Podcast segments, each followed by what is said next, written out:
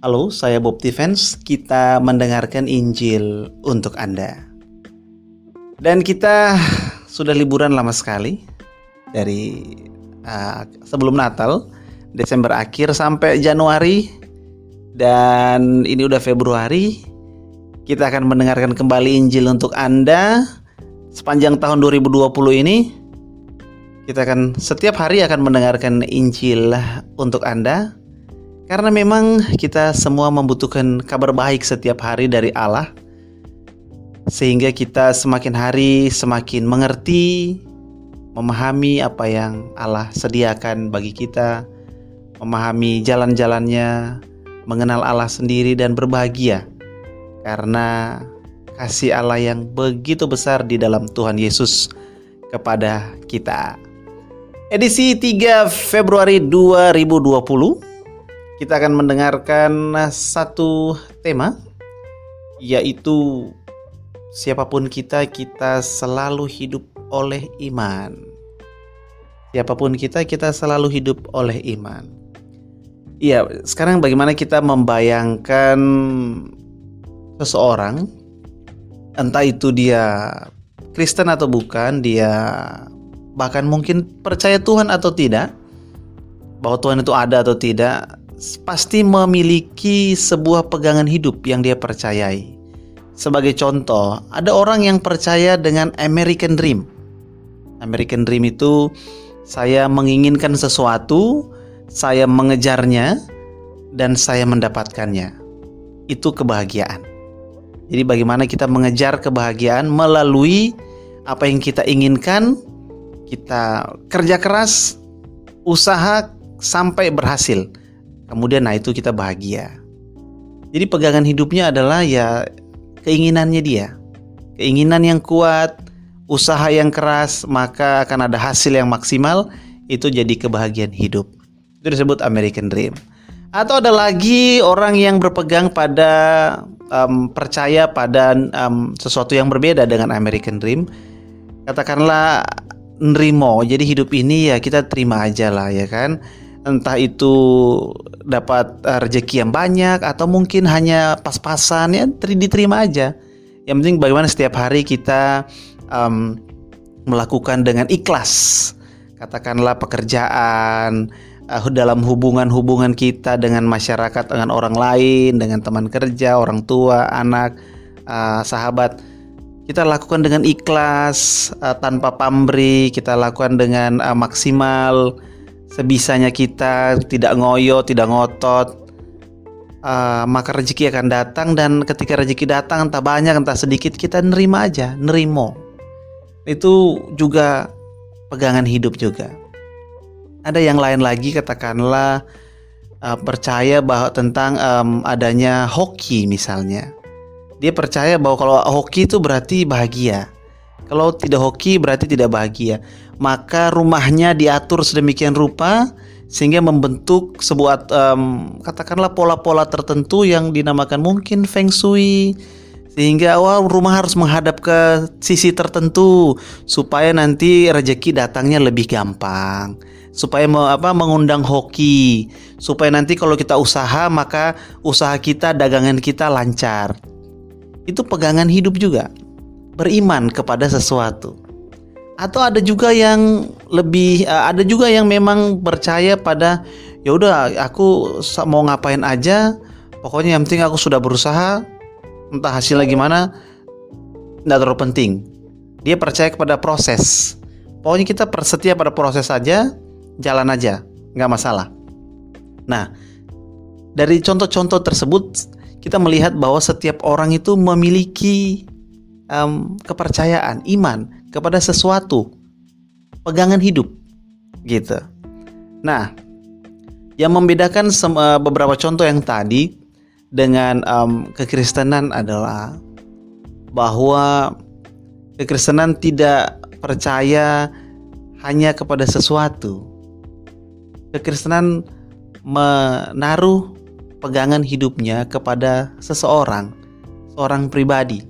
Jadi bukan kepada usaha-usaha yang dia lakukan, bukan kepada keinginan yang dia miliki, bukan kepada uh, hati yang ikhlas dan menerima, bukan juga kepada keberuntung keberuntungan yang dia dapatkan, bukan kepada bentuk-bentuk uh, uh, rumah menghadap ke kiri atau ke kanan, timur atau barat, bukan.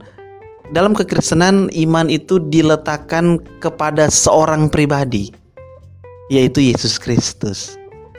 Jadi um, kebahagiaan um, ditentukan oleh pribadi tersebut dan pribadi tersebut memanggil orang Kristen untuk datang kepadanya.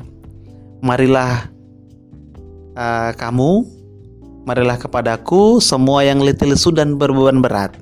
Aku akan memberikan kelegaan kepadamu. Aku akan memberikan istirahat kepadamu. Aku akan memberikan kebahagiaan kepadamu.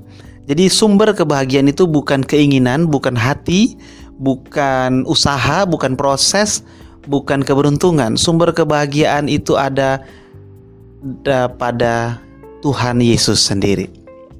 Nah, ini membuat um, kekristenan kita, iman Kristen kita itu um, menjadi iman yang ditujukan kepada seseorang, Yesus Kristus.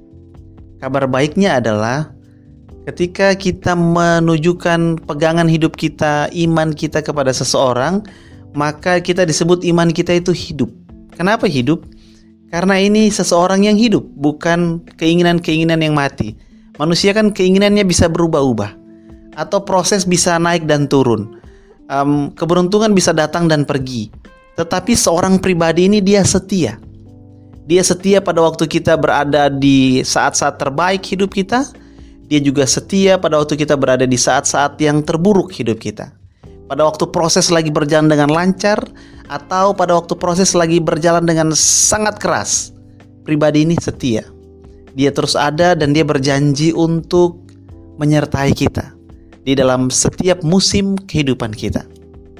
Jadi iman setiap orang hidup dengan imannya dia. Dan kita sebagai orang Kristen kita hidup dengan iman kita bukan kepada sesuatu tetapi kepada seseorang yaitu Yesus Kristus yang setia dan bukan hanya setia, dia mengasihi kita. Dia berkorban untuk kita. Dia berjanji, aku akan memberikan damai kepadamu. Damai yang diberikan diberikan olehku tidak seperti damai yang dunia berikan. Kalau damai yang dunia berikan itu mungkin bergantung kepada keinginan kita, kepada seberapa besar komitmen kita, kepada seberapa besar keberuntungan kita. Tapi apa yang Yesus berikan damai tidak seperti itu. Yesus memberikan damai yang menetap. Entah dalam keadaan baik atau tidak baik, kita merasakan damai. Kenapa? Karena damai itu berasal dari dirinya sendiri. Disebut dengan damai Tuhan sendiri. Jadi Tuhan Yesus ada menyertai kita di dalam um, suasana yang baik maupun tidak baik. Dari sini kita mendengarkan kabar baik hari ini bahwa semua orang memiliki iman dan kita sebagai orang Kristen memiliki iman kepada Tuhan Yesus yang setia dan yang mengasihi kita.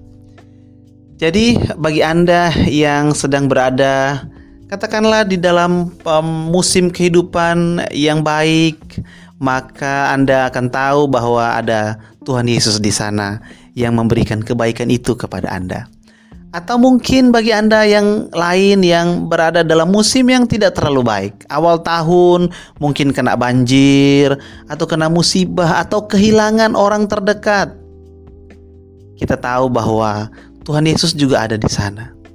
Karena pegangan hidup kita adalah Tuhan Yesus. Dia ada di sana untuk memberikan kita penghiburan, memberikan kita kekuatan untuk terus berjalan maju, memberikan kita pengharapan di saat-saat yang paling gelap memberikan kita secercah sinar terang untuk membuat kita dapat terus menatap ke depan meskipun sangat berat, meskipun um, sangat keras terasa, namun dengan kehadiran Tuhan Yesus maka semua hal itu dapat dilalui dan bukan hanya dilalui, kita merasakan damai di, di kala kita murung, kita merasakan harapan di kala ada semua hal yang mungkin membuat harapan kita hilang. Karena Yesuslah harapan kita, Yesuslah damai kita. Di saat semua terasa gelap dan kita tidak tahu, tidak ada jalan keluar, semua serasa seperti tembok yang mengelilingi kita. kita tahu ada Yesus sebagai jalan keluar kita. Dia sebagai pintu menuju kepada padang rumput yang hijau. Dia bahkan gembala kita yang menuntun kita ke air yang tenang. Dia bahkan menyegarkan jiwa kita. Jadi hari ini kita belajar bahwa semua orang memiliki iman dan kita orang Kristen memiliki iman pegangan hidup bukan kepada sesuatu, bukan kepada hati, keinginan, komitmen yang kuat supaya kita bahagia, bukan kepada hoki supaya membuat hidup kita lancar dan bahagia, makmur, bukan. Pegangan hidup kita ada kepada seseorang, yaitu Yesus Kristus, yang adalah damai kita, pengharapan, sukacita, kebahagiaan, kesuksesan, kemakmuran kita. Kiranya Tuhan memberkati. Inilah kabar baik untuk Anda.